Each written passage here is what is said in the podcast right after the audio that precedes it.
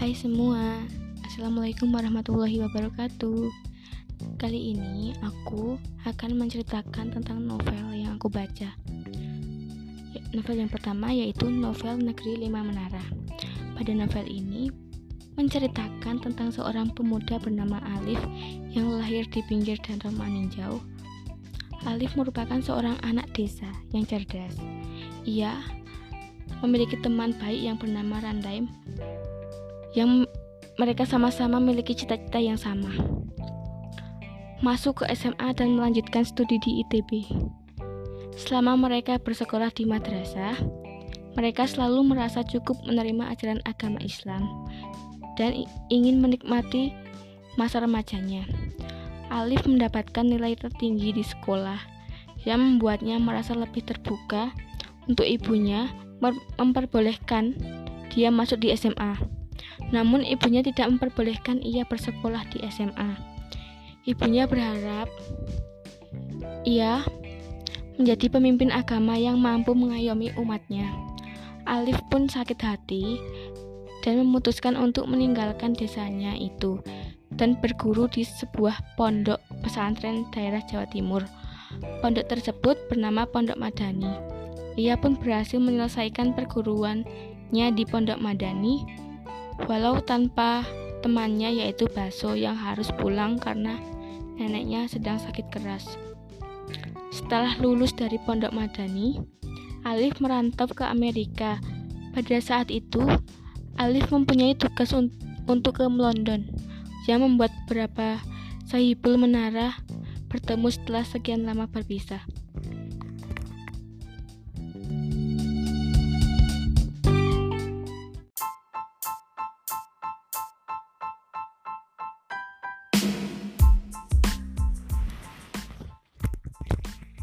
Semua. Assalamualaikum warahmatullahi wabarakatuh. Welcome back to my podcast. Nah jadi kali ini aku mau melanjutin podcast aku yang kemarin. Nah kali ini aku akan membahas tentang novel ayat-ayat cinta. Pada novel ayat-ayat cinta ini menceritakan tentang seorang anak muda dari Indonesia yang bernama Fahri Abdullah Sidik. Fahri melanjutkan studinya di Mesir, Universitas Al-Azhar. Di sana, Fahri mempunyai teman satu kos, yaitu Misbah, Saiful, Rudi, Hamdi. Fahri mendapat kabar gembira dari salah satu seorang temannya kalau dia lulus dan telah bisa membuat sebuah tesis. Mengetahui hal tersebut, Fahri mengadakan syukuran atas kelulusannya bersama teman-temannya. Ketika sedang asik makan, ia mendengar suara tangisan dari luar apartemennya yang ternyata si Badrul menyeret putrinya Naura ke jalan. Fahri sangat tidak suka melihat wanita menangis. Ia meminta bantuan kepada Maria. Namun Maria tidak mau karena takut berurusan dengan Badrul. Namun Fahri terus memohon. Akhirnya Maria mau menolong. Dengan bantuan Fahri dan Syekh Ahmad, akhirnya Naura berhasil menemukan orang tua kandungnya. Ternyata dulunya Naura sempat tertukar dengan seorang bayi. Namun, Nora menyimpan rasa simpati kepada Fahri. Sampai pada akhirnya Fahri menikahi Aisyah, seorang gadis Turki yang pernah ia tolong. Aisyah dapat menikah dengan Fahri berkat bantuan dari pamannya. Kabar pernikahan itu pun terdengar oleh Maria. Mendengar hal itu, Maria patah hati dan kemudian jatuh sakit. Lalu Allah memberi cobaan kepada Fahri yang sedang berbahagia dengan istrinya Aisyah.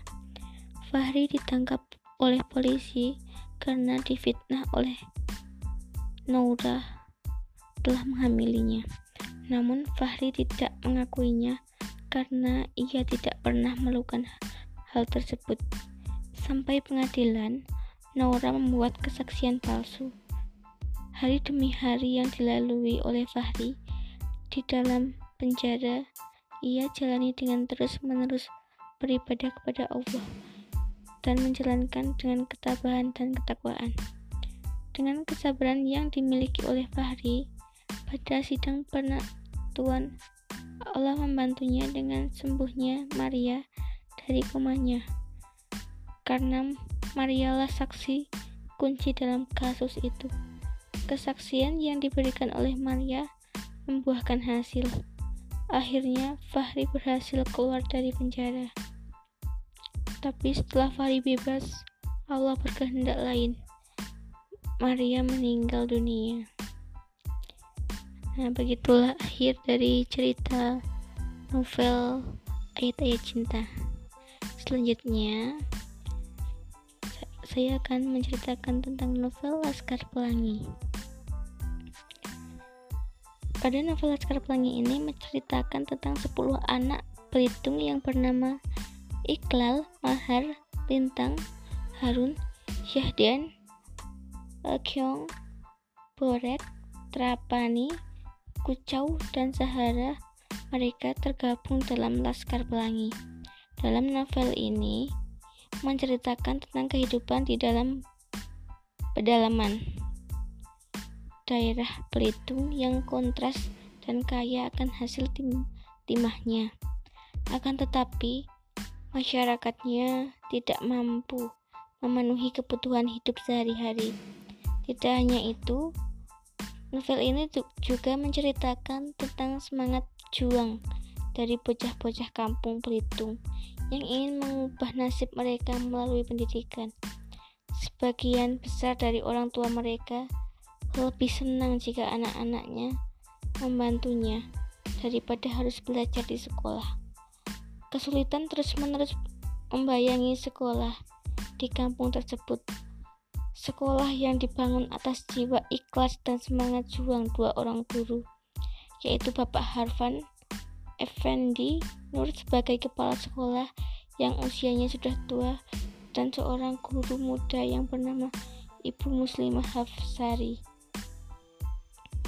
Ibu Muslimah Hafsari juga merupakan salah satu rakyat miskin yang berusaha untuk mempertahankan semangat besar pendidikan Sekolah tersebut nyaris dibubarkan oleh pengawas sekolah Sumatera Selatan karena kekurangan murid. Akan tetapi, seorang sekolah tersebut berhasil diselamatkan berkat seorang anak yang sepanjang masa bersekolah tidak pernah mendapatkan rapat. Sekolah yang dihidupi dengan uluran tangan donatur. Beberapa Bangunan seperti gedung sekolah sudah roboh, ruang kelas beralas tanah, genting banyak yang rusak, bangku rapuh, sudah tidak layak pakai, dan kalau malam dipakai sebagai tempat penyimpanan ternak. Sang kepala sekolah dan ibu guru saling bahu-membahu membesarkan hati anak-anak didik mereka agar terlalu percaya, selalu percaya diri, berani komit, kompetisi, dan selalu menempatkan pendidikan sebagai hal yang sangat penting dalam kehidupan ini. Kedua guru ini memberikan nama julukan kepada 10 anak muridnya sebagai Laskar Pelangi. Walaupun begitu, salah satu dari Laskar Pelangi mampu menjuarai karnaval dan mampu mengalahkan sekolah-sekolah lainnya.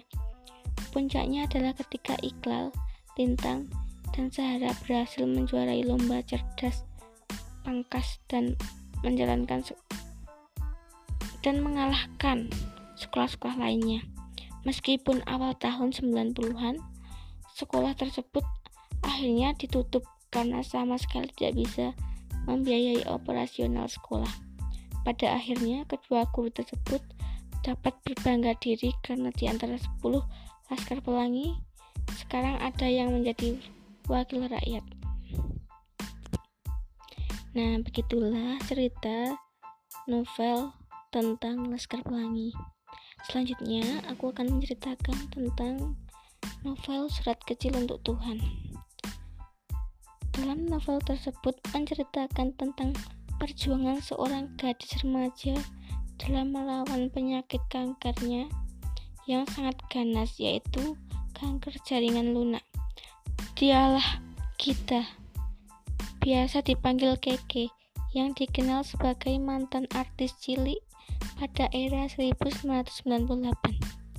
Dokter memprediksi hidupnya tinggal lima hari lagi karena kanker jaringan lunak itu setiap hari menggerogoti wajahnya sehingga terlihat buruk dan kelihatan tua.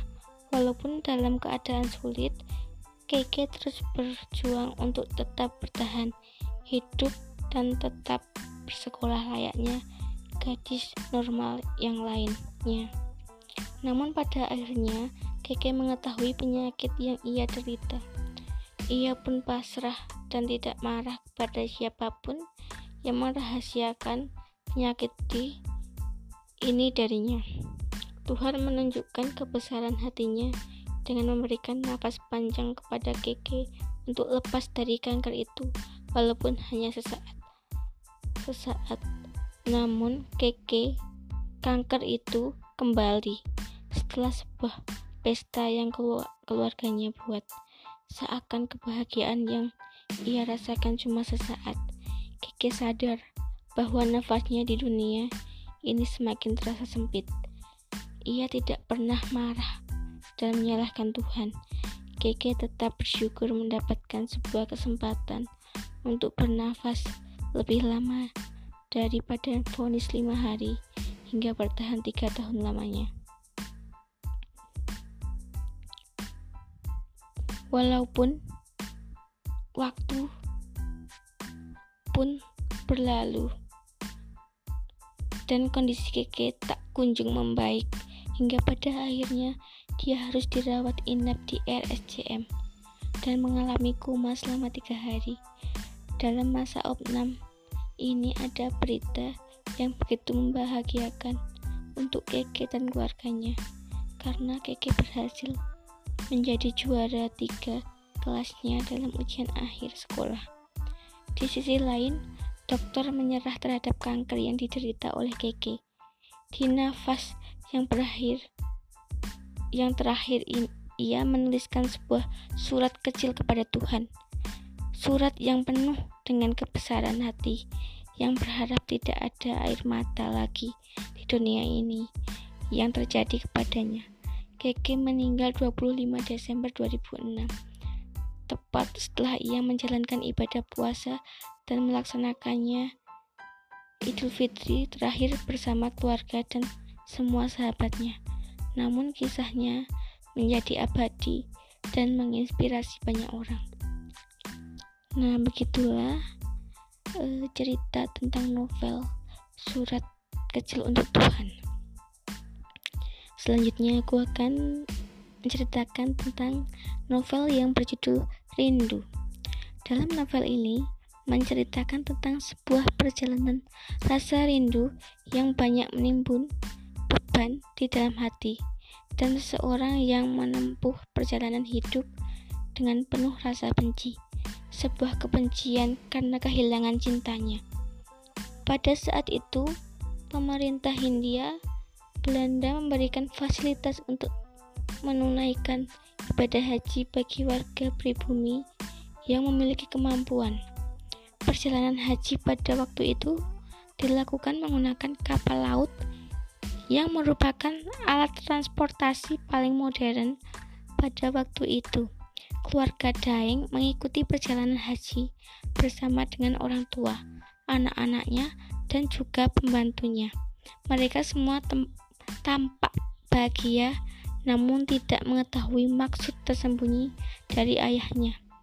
Selain Daeng, dalam kapal itu terdapat Ambo Uleng yang merupakan seorang pelaut. Hidupnya hampir ia habiskan di dalam laut, di atas kapal.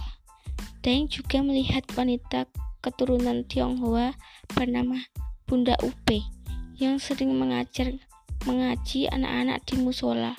Kapal terdapat Terdapat pula seorang ulama asli asal Makassar bernama Guruta Ahmad. Cengkareng. Ia selalu melaksanakan sholat berjamaah dan satu waktu ia ingin menyelenggarakan pengajian di kapal. Ia juga sering menjawab pertanyaan dari orang-orang dengan baik. Namun sebenarnya ia juga menyimpan sebuah pertanyaan yang tak seorang pun mampu menjawabnya.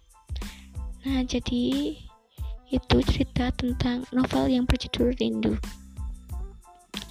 Sekian eh, podcast aku hari ini. Banyak salah katanya, aku mohon maaf sebesar-besarnya. Aku akhiri wassalamualaikum warahmatullahi wabarakatuh.